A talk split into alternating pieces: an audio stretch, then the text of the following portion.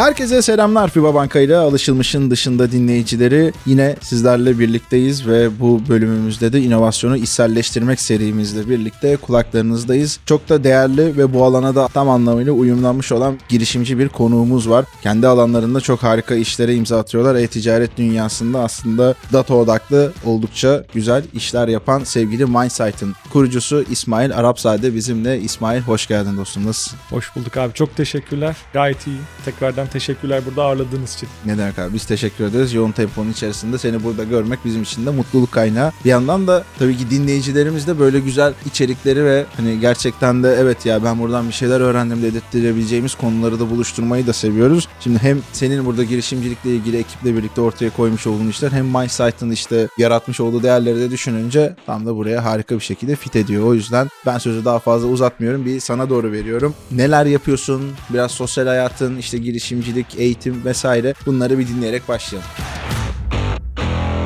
İsmim İsmail Arabzade dediğin gibi Mindsight'ın kurucu ortaklarındanım. Boğaziçi Makine Mühendisliğinden mezun oldum ama hiç mühendislik yapma fırsatım olmadı. Mezun olmadan önce part time, mezun olduktan sonra da full time yaklaşık 3 sene boyunca da Procter Gamble Türkiye'de e-ticaret ekibinde çalıştım. Satış takımının bir parçasıydım. Zaten daha da detaylı gibi oluruz ama Mindsight'ın kuruluş hikayesi de şu an e-ticaret ekosisteminin içerisinde bulunuyor olmamın da aslında ana sebeplerinden bir tanesi. PNG'deyken edindiğim tecrübeler ve aslında karşılaştığım, çözülmediğini fark ettiğim, ya biz bunu çözeriz dediğim problemlerdi. Bunun dışında sosyal hayatımda ekstrem hobilerim var diyemem ya da çok ekstrem tutkularım ama satrancı çok severim. Strateji oyunlarını oynamayı çok seviyorum. Spor tarafında da yeni yeni alışkanlık edinme aşamasındayım. Umarım bir daha bir araya geldiğimizde tutkularım veya düzenli yaptığım hobilerim arasında spor da var diyebilirim. Şimdilik yolun başlangıcındayım. Bence sporla ilgili iyi durumdasın ya. Ben seni en son gördüğüme göre ciddi kilo vermişsin ya. Duymayı en sevdiğim şey abi.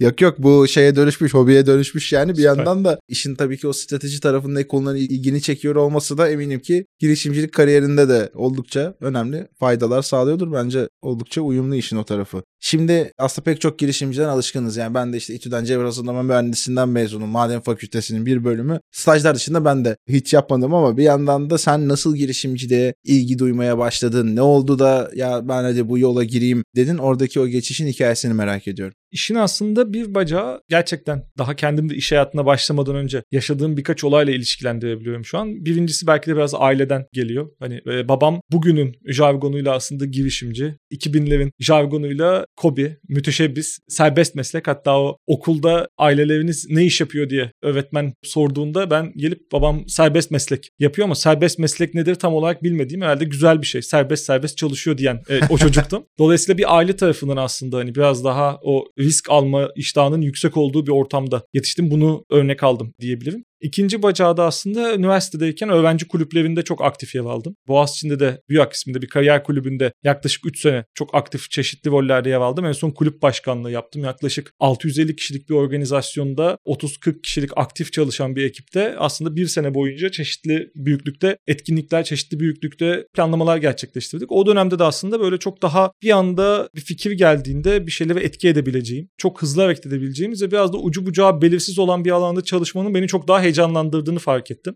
Bu aslında çoğu kişiyi de korkutabilir bu arada çok eğlenceli geliyordu bana. Yani çok daha böyle hani gece uyumadan önce demeyeyim de hani sabah kalktığımda en azından bugün de bunu yaparsak şöyle güzel olacak, şöyle enteresan bir hikaye ortaya çıkacak diye tam tersine kendimi motive edebiliyordum. Biraz da aslında hani herkese göre farklı bir tarz uygun olabiliyor. Bana uygun olan bu tarz sanki buymuş gibi hissetmiştim. Bununla da aslında PNG'deki iş tecrübelerim çok iyi denk geldi diyeyim. Mindsight çok kısa değinecek olursam bir e-ticaret analitiği platformu. Şu anki müşterilerimiz için internette satış yapmış oldukları bütün noktalarda hem kendilerinin hem de rakiplerinin ürünlerine ait yaklaşık 40'a yakın metriği sürekli olarak topluyoruz ve onlara tüketicilerin ürünleri satın almasında etkisi olan parametrelerle alakalı sürekli analizlerde bulunup özellikle satışlarını arttırmalarını sağlıyoruz. Ben PNG'de e-ticaret ekibinde çalışıyorken masanın diğer tarafındayken bu hizmete ihtiyacım vardı. Ve o dönemde gittikçe de e-ticaret Türkiye'de büyüyorken, PNG'nin içerisinde e-ticaret büyüyorken daha fazla bu analizleri manuel eforlarla yapamayacağımızı fark edip o dönemde de müdürüme gidip PNG'de de ilk ortamla beraber aynı ekipteydik. Biz gidip böyle bir çözüme ihtiyacımız var. Hani alalım bulalım bir vileve yapıyordu elbet deyip müdürümüz de evet böyle bir şey olursa biz kullanırız dedikten sonra yaklaşık bir 2-3 ay gerçekten araştırdık. Ya böyle bir ürünü bulalım, fiyat alalım, görüşelim. Hatta şu anda da piyasada rakibimiz olan global ve lokal birkaç oyuncudan bayağı ürünü satın alma niyetiyle görüşmeler gerçekleştirdik ama sonrasında bizim segmentimizde enterprise segmentindeki bir oyuncunun ihtiyaçlarını tam olarak çözen bir ürün bulamayınca çözemeyince ya bu bir ihtiyaç. Bunu tam anlamıyla yapan bir oyuncu yok. O zaman biz bunu yapar mıyız? Yaparız. Teknik taraftan yapabilir miyiz? O dönemki ev arkadaşım, şimdiki ortağım Ali'ye yaparız dedi o da. Öyle olunca biz kolları sıvadık, işlerimizden istifa ettik ve kendi yaşadığımız bir problemi gerçekten çözecek bir ürün ortaya çıkarttık. Hatta sonrasında da Mindsite'ın ilk fatura kestiği müşteri de PNG Türkiye. O da bizim için bu hikayenin sonunda anlamlı bir nokta oldu diyebilirim. Üniversitede ev arkadaşınızı iyi seçin. Değerini görüyorsunuz. Ben de Seha ile aynı şekilde aynı evde kalıp ondan sonrasında aslında Bubbleworks'u hayata geçirmiştik. Burada doğru tercihler güzel işlere imza atmanızı sağlayabiliyor. Bir yandan da şimdi MySite'a aslında daha derinlikli gireceğiz. Sadece ben şunu açmak istiyorum. Hani en başta da İsmail ve bu seri arasındaki uyumluluğa da değinmiştim ya. İnovasyon profesyoneli olmak, inovasyonu içselleştirmek dediğimiz konu aslında ben gideyim, hadi bir fikir bulayım gibi böyle çok alışıla gelmiş ve hani öyle yapan gerçekten de başarılı olan örnek gördüm mü görmedim mi açıkçası hatırlamıyorum. Bu taraftan değil de gerçekten içselleştirdiğinde yani sen müşterilerinle konuşurken, kurumun içerisindeki partnerlerinle bir araya gelirken, bir parka vesaireye bir yere gittiğinde problem gözlemleyebilme ve o problemlerden ya kardeşim bu nasıl çözülecek? Bunun arkasında acaba yatan başka ne gibi problemler var? Yani işin o kök problemi dediğimiz o derinlikli yapıyı çözüp çözememe arasında bir çizgi var aslında. Yani inovasyonu içselleştirmek dediğimiz şey bu. Bazen yanlış anlaşılıyor. İşte ben şöyle bir eğitim aldım, almadım vesaire. Eyvallah olabilir etkileri var mutlaka ama mesele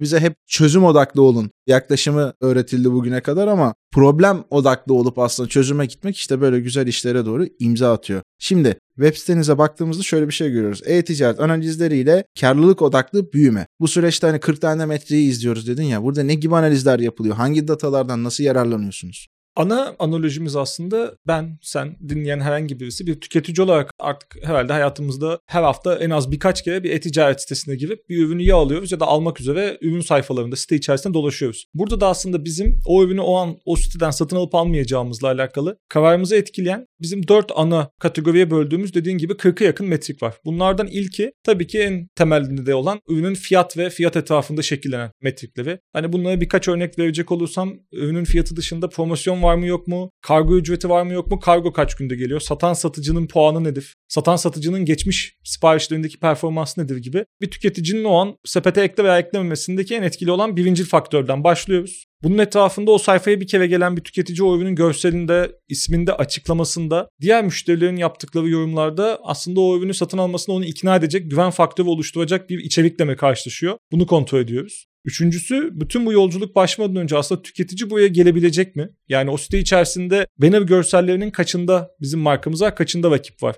Çeşitli arama sayfalarında site içi SEO diyoruz buna. Bizim müşterilerimizin ürünleri kaçıncı sırada çıkıyor, rakipler kaçıncı sırada çıkıyor. Overall promosyon mekanikleri veya promosyon alanlarında biz ne kadar görünürüz? Bir noktada aslında trafiğin ne kadarını yakalayabiliyoruz, analiz ediyoruz. Sonuncu olarak da aslında biraz daha 2020-21'den sonra da çok hızlı büyüyen last mile delivery yani getirin bana binin öncelik ettiği kategoride de bütün bu metrikleri bir de lokasyon özelinde incelediğimiz bir alanda hizmet veriyoruz. Dolayısıyla bütün bu dört ana bacak altında biz bir tüketicinin müşterimizin ürünleriyle temasa geçebildiği her noktada düne göre daha mı iyiyiz? Rakibimize göre şu an daha mı rekabetçiyiz bakış açısıyla onlara sürekli olarak fırsat alanlarını gösteriyoruz. Geçmişe göre kıyaslıyoruz. Şu an daha da çok üzerine iyileştiğimiz ama ileriye doğru senin ne yapman gerekiyor? Neyi yaparsan daha iyi olursun gibi üç bakış açısıyla da sürekli satışlarını daha karlı, daha yüksek miktarda gerçekleştirmelerini sağlamaya amaçlıyoruz. Süper. Burada biraz önce çok güzel bir şey söyledin aslında. Rakiplerimize göre hani olan durumumuzu ölçümlemekten bahsettin ya ve aslında nasıl bir rekabet ortamı yaratıyoruz ve burada nasıl öne çıkıyoruz. Siz de oldukça zorlu bir alandasınız. Hani e-ticaret bir yandan büyüyor ama buradaki oyuncular da büyüyor. Dolayısıyla hani ayakta kalmak ve de böyle sizinki gibi başarıyla ilerlemeyi başarabilmek çok da kolay bir konu değil. Siz nasıl ayrışıyorsunuz burada rakiplerden? Burada üç tane temel bizim üzerine sürekli geliştirerek kattığımız ayrışma alanımız var. Bunlardan ilki aslında hani buradaki problemi incelediğimizde dediğim gibi evet veriyi almak istiyoruz ama diğer oyuncularda bizim zaten Mindsite'ı zamanında kuruyorken gördüğümüz ana sıkıntı zaten verinin güvenilirliğiydi. Ve burada baktığımız zaman biz Mindsite olarak şu an yaklaşık günde bir müşterimiz için sadece ortalama 10 milyona yakın satır veriyi database'imize ekliyoruz ve onları raporlaştırıp sunuyoruz. Bu kadar büyük bir veriyi topladığımız dünyada aslında verdiğimiz ana değer önerilerden bir tanesi senin gidip tek tek ürünlere bakmana gerek yok. Zaten mümkün değil. Ben hepsine bakarım. Sana özet raporu getiririm ve sen oradaki vakama baktığında güvenip bir sonraki adımının ne olması gerektiğine sağlıklı bir şekilde karar verebilirsin. Dolayısıyla bizim burada en çok ayrışmaya çalıştığımız nokta datanın kalitesi. Bunu tabii ki şu an ölçüp masaya koyamıyoruz. Yani Mindsight A rakibinden B rakibinden şu kadar daha data konusunda kaliteli diye ama şöyle bir analizimiz veya istatistiğimiz var diyeyim. Elde ettiğimiz müşterilerde bizim öncemizde bir veya başka daha çok rakibimizde çalışan bir oyunculardan bize gelen müşteriler arasında baktığımızda ve onlara hani bize gelme sebebiniz nedir bir anketleştirip sakladığımızda gelen oyuncuların tamamının istisnasız ortak söylediği sebepler arasında data kalitesinde yaşadığımız sıkıntı demo sürecinde bunun tersini gördük var. Dolayısıyla bizim istisnasız en çok gitmek istediğimiz nokta. İkincisi biz enterprise segmentine hitap ediyoruz. Dolayısıyla karşı tarafta çok oturmuş bir yapı var. Yine pazardaki oyuncuların çoğu sabit raporlama şablonları üzerinden topladığı bu büyük veri analiz ediyor. Biz tamamıyla karşı tarafın bizim kalıplarımıza uymasını beklediğimiz değil, biz sizin raporlama formatlarınıza, jargonlarınıza, standartlarınıza uyarız dediğimiz bir yaklaşımla gidiyoruz. Bunu da tamamen sunduğumuz teknolojik altyapıyla sağlıyoruz. Şu an Mindset platformu üzerinden sürükle, bırak, büyüt, küçült hareketleriyle yaklaşık 80'den farklı komponenti veya rapor şablonunu oluşturup bunları da kendi içlerinde sonsuz olasılıkla birleştirebiliyorsunuz. Ve bunu sadece arayüz üzerinden yapabiliyorsunuz. Dolayısıyla şu an girdiğinizde Mindsight ekranına hiçbir account manager'ın veya hiçbir insanın dokunmadan müşterilerimizin kendi oluşturduğu onlarca farklı şablonu kullanabiliyorlar ve pazarda diğer rakiplerden ayrıştığımız çok ciddi bir nokta. Buna ek olarak ayrıştığımız en büyük üçüncü maddede biz sadece kendimizi bir veri sağlayıcısı olarak konumlandırmıyoruz. Aynı zamanda bu büyük veriyi toplayıp üzerine ciddi insight'lar çıkartıp bu insight katmanını da platform üzerinden sunabilen bir oyuncu olarak konumlanıyoruz. Dolayısıyla şu an rekabet ettiğimiz çoğu oyuncu bir veri sağlayıcısıyken biz diyoruz ki evet orada elma elmayız. Bakın farklı farklı alanlarda iyi veya kötü olduğumuz şeyler var ama bu hizmette siz bir de insight modülünü alıyorsunuz. Dolayısıyla sistem sizin adınıza her gün milyonlarca satır analiz edip ne yapmanız gerektiğiyle alakalı tavsiyelerini de paylaşıyor ve bunu uyarsanız hem ciddi zaman kazancı sağlarsınız hem de işinizi geliştirirsiniz. Süper. Satış konusunda uzman bir girişimci anlatımı dinlemiş olduk sevgili dinleyiciler. Tam olarak böyle oluyor işte. Yani bunu içselleştirip işine hakim olduğun zaman hep hani girişimcilere deriz ya mümkün olduğunca hızlı, net, yalın bir şekilde anlatabilmelisin. İşte girişim sunumları zaten 3 dakika, 5 dakika falan olur. İşte asansör konuşması 1 dakikalık muhabbetlerin aslında böyle bir altyapısı var. Olayı ne kadar hakimsen bunu bu kadar yalın ve anlaşılır şekilde anlatabilirsin. Şimdi işin hacmi çok büyük. Çalıştığınız kurumlar çok büyük, çok değerli. Buradan birkaç tane şöyle somut çıktığı veya süreci bizimle paylaşabilir misin? Belki dinleyicilerin aklında da böylece daha iyi oturmasını sağlayabiliriz konunun. Bizim üç farklı müşteri segmentimiz var. Belki üçünden de kısa kısa bir örnek verebilirim. Segmentlerden ilki retailer'lar yani perakendeciler. Perakendecilerde aslında biz ana olarak onlarda satılan ürünlerle aynı ürünleri satan diğer perakendeciler arasında fiyat kıyaslaması yapıyoruz. Burada da verebileceğim örneklerden bir tanesi mesela şu an İngiltere'nin en büyük berber ve profesyonel kuaför dikeyinde uzmanlaşmış e-ticaret sitesine hizmet sağlıyoruz. Evet İngiltere'de e-ticaret o kadar ileri ki bu kadar Hakikaten niş ya. bir alanda bile bu arada onlarca rekabet eden çok büyük hacimde şirketler bulunuyor. Bunlardan en büyüklerinden bir tanesiyle biz çalışıyoruz. Şu an onlar için yaklaşık 9000 adet farklı üründe her bir üründe de yaklaşık 4 veya 6 arasında değişen rakibini baz alarak her gün fiyatlarını karşılaştırıp onlara hangi ürünlerde daha fazla indirim yapabilirler, hangi ürünlerde daha fazla fiyatı arttırabilirler. Çünkü bazen çok aşağıda olmak da anlamlı değil. Hangi ürünlerde de onlar satmıyor bile. Çünkü ürünlerden bazıları onların platformunda o an satışa kapalı olabiliyor. Raporunu sunuyoruz. Çalışmaya başlayalı galiba yaklaşık 5 ay oldu. 5 ayın sonunda daha 2-3 hafta önce bu şirketteki pricing manager'la görüşmüştük. Ben toplantıya katılmıştım. Bize karlılıklarını sadece satışlarını değil karlılıklarını yaklaşık %20 arttırdığımızı yani bu sadece mindset değil ama bu 5 aylık periyotlarını bize bir çıktı sağlayabilir misiniz dediğinde paylaşmıştı ve şu an işin hacmini yaklaşık 2024'te 2 ila 3 kat arasında arttırmayı planladıklarını söyledi. Rekabet tarafında takip edecekleri platformlarda. Bu bizim için tabii çok çok iyi ve başarılı execution'lardan bir tanesiydi. Bunun dışında verebileceğim örneklerden bir tanesi çalıştığımız partnerlerimden bizden birisiyle bu sefer marka tarafında yani bu platformlarda satış yapan markalardan birisi. Kendisi ağız bakım ürünleri sektörünün lider oyuncusu şu an. Uluslararası bir FMCG şirketi. Bizimle beraber yaklaşık 8 ülkede operasyonlarını takip ediyorlar. Tek bir ekrandan yalın bir şekilde 8 ülkenin aynı metriklerdeki aylık performanslarını güncel olarak bütün liderlik ekibi takip ediyor. O ekranların detay versiyonlarına da o ülkelerdeki ilgili ekiple ulaşıyor. Onlarla artık 3 yıldır çalışıyoruz. Her yıl takip ettiğimiz metrikleri ortak takip ediyoruz bu arada. Yani bizim müşterimizin metriği, iş metriğidir. Biz ciromuza bakarız gibi değil. Yani ortak başarı metriklerini takip ediyoruz. Ciro zaten bunun yanında işimizi doğru yapıyorsak sağlıklı bir şekilde artıyor diye düşünüyoruz. Ürünlerin stokta bulunma oranı. Yani aslında bir markanın en temelde yapması gereken, en temelde yapmazsa diğer takip ettiği her şeyin anlamını yitirdi. Çünkü satılacak ürünün olmadığı metrikte Biz en son yıl artık tabii çıtayı bayağı yukarıya çıkarmıştık. Bütün yıl boyunca ortalama %88 ürünlerin bulunurluğu. Bunu en son yıl yaklaşık 88'den 92'ye çıkarttık. Yani ürünlerin ilk başladığımızda 3 yıl öncesinde bu 75'ti. Bunu doğrudan şöyle düşünebilirsiniz. 3 yıl içerisinde marka bütün satış potansiyelini %75'ten 92'ye çıkartarak hemen hemen neredeyse hiçbir ek yatırım yapma zorunluluğu hissetmeden cirosunu 1 bölü 3 kat arttırabiliyor. Çünkü ürün olmadığı zaman zaten satamıyor. Varsa satabiliyor. Bunu da bizden aldığı düzenli alarmlar, takip ettiği raporlar, hangi ürünlerde kronik sıkıntı olduğunu tespit edip paylaşan arayüzler sayesinde disiplinli bir şekilde takip ederek toparlayabildi. Bu aslında buy box'ı alma mücadelesi değil mi birazcık da? Siz onu mu sağlıyorsunuz yoksa tam şimdi sırada gelecek olan konu mu oydu? Bu buy box'tan bir adım öncesi. Yani senin Bir ürünün şu, bazen şey oluyor ya bir siteye gidiyoruz. Tam niyetleniyorsun. Diyorsun ki ya ben gideyim şimdi şu X sitesine bir tane şöyle kulaklık alayım. Bir giriyorsun diyor ki şu an aradığınız ürün satılamamaktadır. Zaten onunla karşılaştığın anda sen zaten o marka adına bütün oyun bitiyor. Yani ben fiyatım iyi miydi? Promosyon yaptım mı? Çoğu markada aslında en temelden başlıyoruz. Yani bir kere senin satmak istediğin ürünlerin yüzde kaçı şu an canlıda? Çünkü binlerce ürün var. Satmaya çalıştığın 10-15 tane e-ticaret sitesi var. Ekibin 4 kişi. Dolayısıyla bu ekibin aslında çok ciddi bir desteğe ihtiyacı var ve bu desteğin mümkünse teknolojik bir destek olması gerekiyor. Dolayısıyla bu bahsettiğim örnek buydu. Bir sonraki mücadelede bunun bir sonraki adım pazar yerlerinde buy box'ı kim aldı? Tamam ürün satışta. Şimdi de o ürünü satmak isteyen ortalama 30 tane oyuncu var. Her biri birbiriyle kuruluşlarla rekabet ediyor ve bunu gerçek zamanlı olarak güncelliyorlar. Sen gece 2'de, sabah 6'da, öğlen 4'te, dün toplantıdayken hala buy box'a sahip miydin değil miydin? Mindsight aslında bunu takip ediyor. Kaybettiğin anda sana alarm atıyor. Bu fiyatla buy box'ını geri kazanabilirsin bizce. Güncellemek ister misin diye soruyor. Böylece sen aslında tek tuşla buy box'ı sahip olmaya devam edebiliyorsun.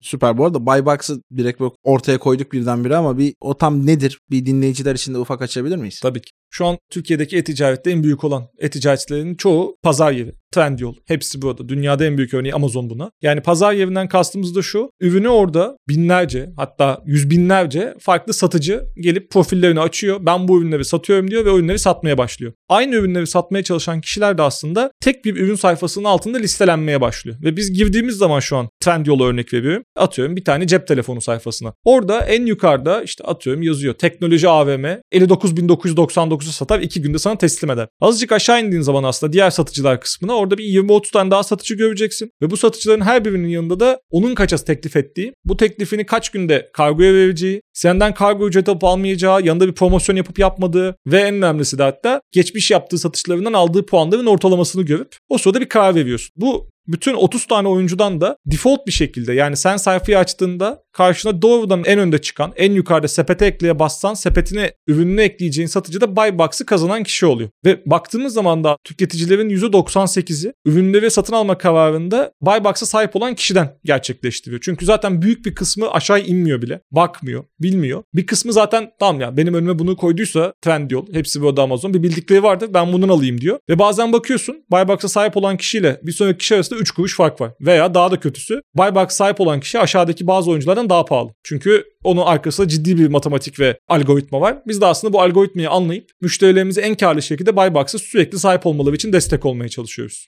Süper. Önemli bir konuyu daha açtık. Şimdi bir yandan işin şu tarafına doğru girmek istiyorum. Almış olduğunuz oldukça değerli yatırımlar var ve aslında Türkiye'de günden güne paraya ulaşmanın da zor olduğu dönemler yaşadık. Belki hani yakın zamanda birazcık daha bir düzelmeye doğru gidebilir ama halen daha zor sonuç olarak. Sizin de burada almış olduğunuz ciddi bir yatırım var. Bu yatırımı almış olduğunuz kurumlardan bir tanesi de Finberg. Sevgili dinleyicilerimiz de aşinalar. Girişimcilik ekosistemine yatırım serisinde İhsan Ergin'le başlayan bir içeriğimiz var. Orada da hani Finberg'in ne yaptığını, ne gibi uzmanlıkları olduğunu, işte yatırımın ötesinde de aslında neler sunmaya gayret ettiğini hem onlardan hem de yine yatırım almış olan çeşitli girişimlerden de dinleyebilirsiniz eğer dostlar şu ana kadar yolunuz kesişmediyse. Ben burada senin de deneyimini merak ediyorum. Yani çünkü mesele yalnızca para almak değil. Bir şekilde paraya ulaşabilirsin ama almış olduğun paranın tam anlamıyla bir smart money olması girişimcinin de hayatını da değiştiren pek çok açıdan kolaylaştıran bir şey veya o paranın yanında kurumun sana sağlamış olduğu işte yan faydalar da oldukça değerli olabiliyor. İki tane sorun var. Birincisi Finberg neden yatırım yaptı? Yani buradaki heyecanlandırabildiğiniz nokta neydi? Belki bizi dinleyen ve yatırım arama yolculuğunda olan arkadaşlar vardır. Onlar için de bir ışık yakar burası. Bir diğeri de süreç sizin için aslında nasıl ilerledi? Siz ne gibi faydalar gördünüz?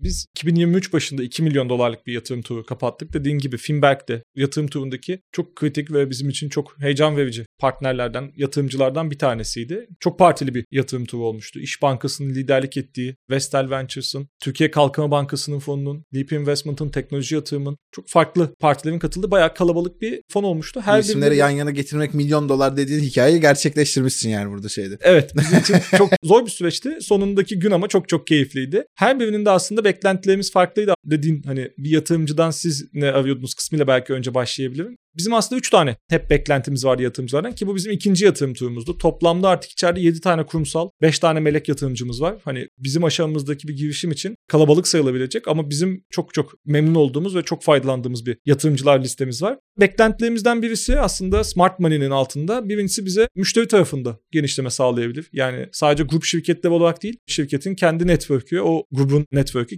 Türkiye üzerinde çok büyük gruplarla çalışıyoruz veya bizim gideceğimiz şirketlerde özellikle Türkiye'de bize bir itibar kazandırabilir. Çünkü biz büyük şirketleri hedefliyoruz. Üç gencin kurduğu bir startup'ız diye gitmek var ki 2020'de öyle gidiyorduk. Böyle demesek de dışarıdan böyle görünüyorduk. Bir tarafta da az önce saydığım isimler bizim hissedarlarımız. Tabii orada yatırım değil hissedarına dönüşüyor kelime. Tabii. Ya da daha da Anadolu kaplanlarına gittiğimiz zaman bazen de İş Bankası iştivakiyiz, FIBA Bankası iştivakiyiz'e kadar indirgenebiliyor oradaki jargon. Ya da itibar tarafında olabiliyor. İkinci bacağı bitmeyen bir yarış ki gittikçe de zorlaşıyor parayı bulmak. Bir sonraki yatırım turlarında aslında masanın tabiri caizse karşı tarafında oturan parti bir sonraki turda bizim yanımızda oturmaya başlıyor ve yanımızda oturan o partinin de yine ne kadar tecrübeli olduğu, ne kadar network'ünün girişim ekosisteminde, yatırım ekosisteminde güçlü olduğu bir sonraki yatırım turunda o kadar büyük bir artı sağlayabiliyor. Üçüncüsü de aslında portföyündeki diğer şirketlerindeki tecrübeleri bizimle organik olarak paylaşacağı, bizim çok kolay bir şekilde ya bizim aşamamıza geçen sene gelen şirketlerinizde şöyle şöyle iş alım konularında veya işte büyümedeki şu tarz sıkıntılarda nasıl çözümler buldular. Bize anlatır mısınız dediğimizde mevcut portföyünden tecrübesini paylaşmasını bekliyoruz. Biz Finback tarafında özellikle ikinci ve üçüncü tarafta çok ciddi destek alıyoruz. Çok ciddi faydalanıyoruz. Yani Türkiye'deki en geniş yatırım portföylerinden bir tanesine sahipler ki Türkiye'deki en çok para yatırım yapmış kuruluş Finback. Bize yatırım yaptıkları sırada artmıştı bu rakam. 62 milyon dolarla yanlış hatırlamıyorsam Türkiye'nin yatırım lideri olan bir CVC'ydi. İkinci tarafta Finberg'in bize anlattıkları ve duyduğumuz yurt dışında çok ciddi fonlarda kendi yatırımları var. Bu yatırımları organik olarak bize orada networkler sağlıyor. Kendilerinin içinde bulunduğu çok fazla oluşum var yatırım ekosisteminde. Dolayısıyla o veya yatırımcımızla beraber gidiyor olmak, orada fikir alışverişi veriyor olmak bir sonraki turda 2 değil 12 milyon doları raise etmemizi aslında sağlayacak oyun stratejilerimizden bir tanesi diyeyim. Yatırım alma sürecinde de aslında bizim masaya koyduğumuz en büyük iki tane değer önerimiz veya farklılaştığımız nokta bir yatırımcı gözünde. İlki Mindsight'ın çok düşük bir turnover'ı var. Çalışmaya başladığımız ve sonrasında çalışmayı bitiren müşteri sayısı. 4,5 yıllık hayatımızda bugüne kadar Mindsight sadece 4 şirketle çalışmayı bıraktı. Bunlardan bir tanesi eBay. O da Türkiye'den çıktı. 18 Temmuz'da çıktılar. 1 Temmuz'da en son faturayı kestik. Hani bizim en büyük ilk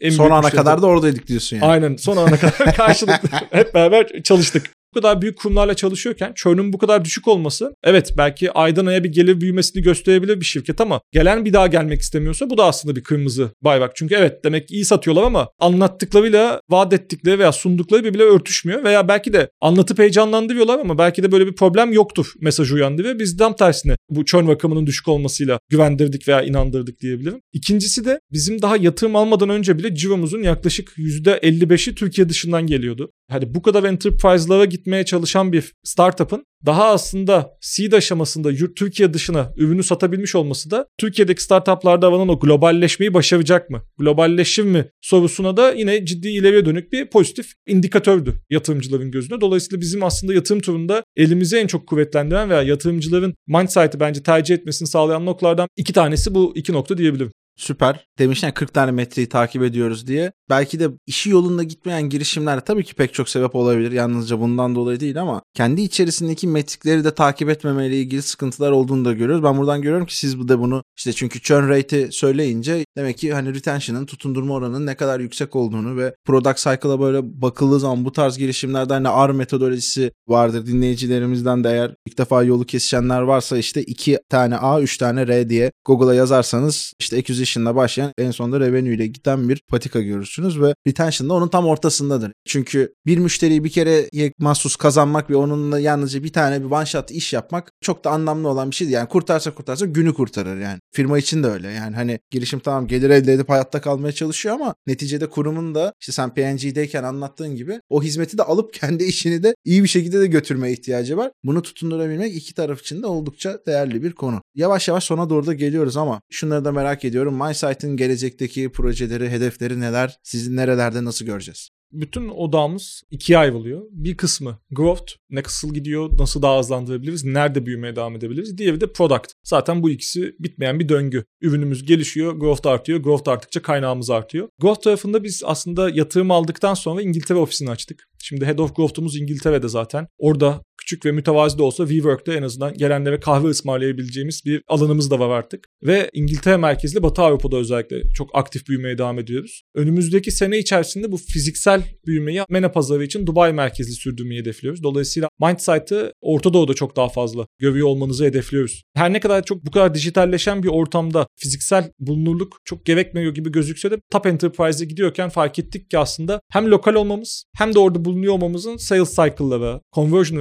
rate'lere çok çok büyük pozitif bir etkisi var. Dolayısıyla biz fiziksel bulunurluğumuzu coğrafik anlamda da genişletiyor olacağız. Product tarafında da az önce de söylediğim gibi bizim zaten ayrıştığımız noktalardan bir tanesi sadece veri sağlayıcısı olmamız değil, üzerine insight'ları çıkartıyor olmamız, içgörüleri çıkartıyor olmamız. Şimdi bunu bir adım öteye taşıyoruz. Halihazırda bu ürünün aslında ilk satışını bile yaptık. Şu an canlıyı almak için Hayırlı olsun. Çok teşekkürler. Biz artık veriyi toplayın, üzerine insight çıkartan, sonrasında da bu insight'larını müşterisi adına otomatik aksiyona geçiren bir şirket olmayı hedefliyoruz. Dolayısıyla Mindsight aslında Insider'ın hatta hep öyle anlatıyoruz satış toplantılarında. Insider'ın ise dijital pazarlama departmanında sağladığı dönüşümü, otomatizasyonu biz size dijital satış süreçlerinizde sağlamak istiyoruz. Yani fiyatınız ne olacak? Hangi promosyon mekaniğini uygulayacaksınız? Hangi ürün gruplarında ne kadar derinleşmeliyiz, ne kadar karlılaşmalıyızı tamamen otomatik pilotta Mindsight sizin adınıza yönetebiliyor olacak. Ve şu an aslında bu ürünün üzerinde çalışıyoruz. Yılbaşına canlı alıp lansmanını yapmayı hedefliyoruz. 2024'te de ürünü her modülün altında artık aksiyon aldığı bacakların ürüne ekleyerek müşterilere gidip doğrudan biz sizin şu probleminizi tam olarak sadece otomatik pilota bırakıp çözebilecek bir partneriniz olmak istiyoruz diyeceğimiz bir aşamaya geçmek istiyoruz.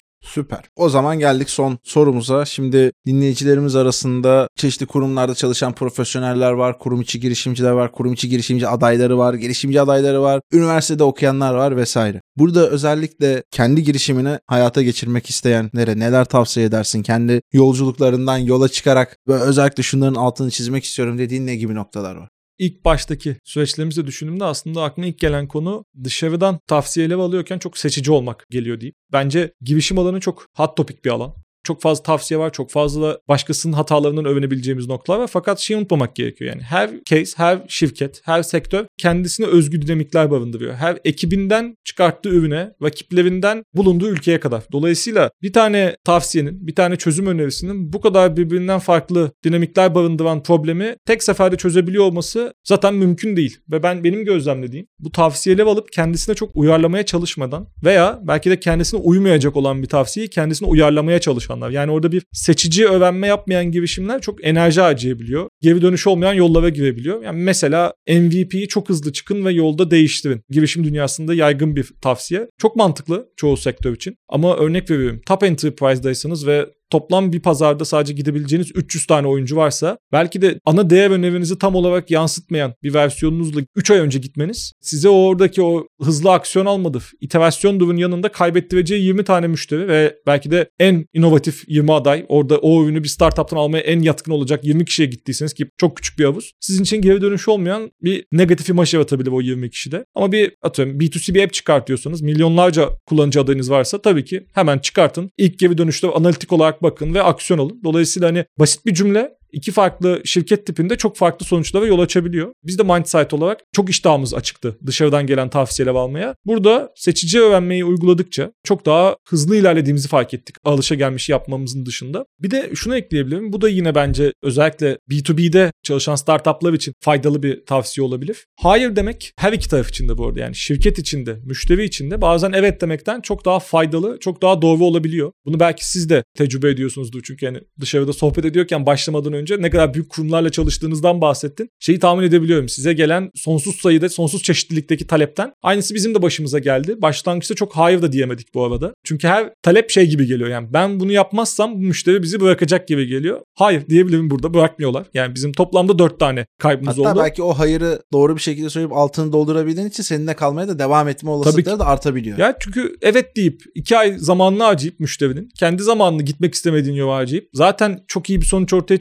çıkartmadığında zaten sadece bir şey için sende kalıyorsa ve o şey atıyorum o kadar önemli olduğunu düşünmüyorsan ya o müşteri zaten sana uygun değildir veya gerçekten senin ürününde temel bir eksiklik vardır. Dolayısıyla bu olaylara benim ana tavsiyem biraz daha müşterilere dediğin gibi karşı tarafa da anlatarak neden hayır dediğini biraz daha ana stratejiye odaklı gitmenin daha doğru olacağı. Biz zamanda bu konuda çok yanlış yaptık yine. Yani belki de bugün geleceğimiz noktaya bir yıl önce gelme fırsatımız varken arada bazı custom istekler, bazı şu an belki hiçbir account'ta gözükmeyen yani zaten kodda şey varsa customer ID eşittir bilmem ne. Zaten o bir şeylerin bazı aşamalarda yanlış olduğunu anlatıyor. Biz o noktaları daha böyle geçen senenin sonunda koddan temizledik. Dolayısıyla bu tarz konularda daha dikkatli olmalarını tavsiye ediyorum yeni şirket kuracak, yeni girişim kuracak ekiplere. Bence de çok inanılmaz değerli. İçerik dünyasında da işte sizinki gibi daha böyle hani derinlemesine ürün dünyasında da çok önemli olan bir konu var. Kurum neden seninle çalışıyor? Elbette ki ona sunmuş olduğun hizmetler için ama sahip olduğun know-how'ı da onunla dürüst ve şeffaf bir şekilde paylaşman için de aslında çalışıyor. Dediğin gibi işin biraz korkutucu yönleri de var. Özellikle daha hani işi yeni ayağa kaldırıyorsan, daha yeni tam böyle yatırım almadıysan veya aldığın yatırım işte oran ve hesapları vesaire devreye girince insanın gece uykularını kaçıran durumlar olabiliyor çok da doğal olarak. O sırada da o hayırı söylemek kolay değil her zaman ama gerçekten de çok çok değerli, önemli bir şey. Bir de o kişiselleştirilmiş şekilde aslında tavsiyeleri alıp değerlendirmek de bence çok değerli. O yüzden ağzına sağlık diyorum abi. Çok da teşekkürler bu güzel paylaşımlar için. Ben teşekkür ediyorum. Çok keyifliydi. Aynı şekilde. Evet sevgili dinleyiciler bir bölümün daha sonuna geldik ama biliyorsunuz burada konuğumuzdan almış olduğumuz ilhamla birkaç konuyu bir araya getirerek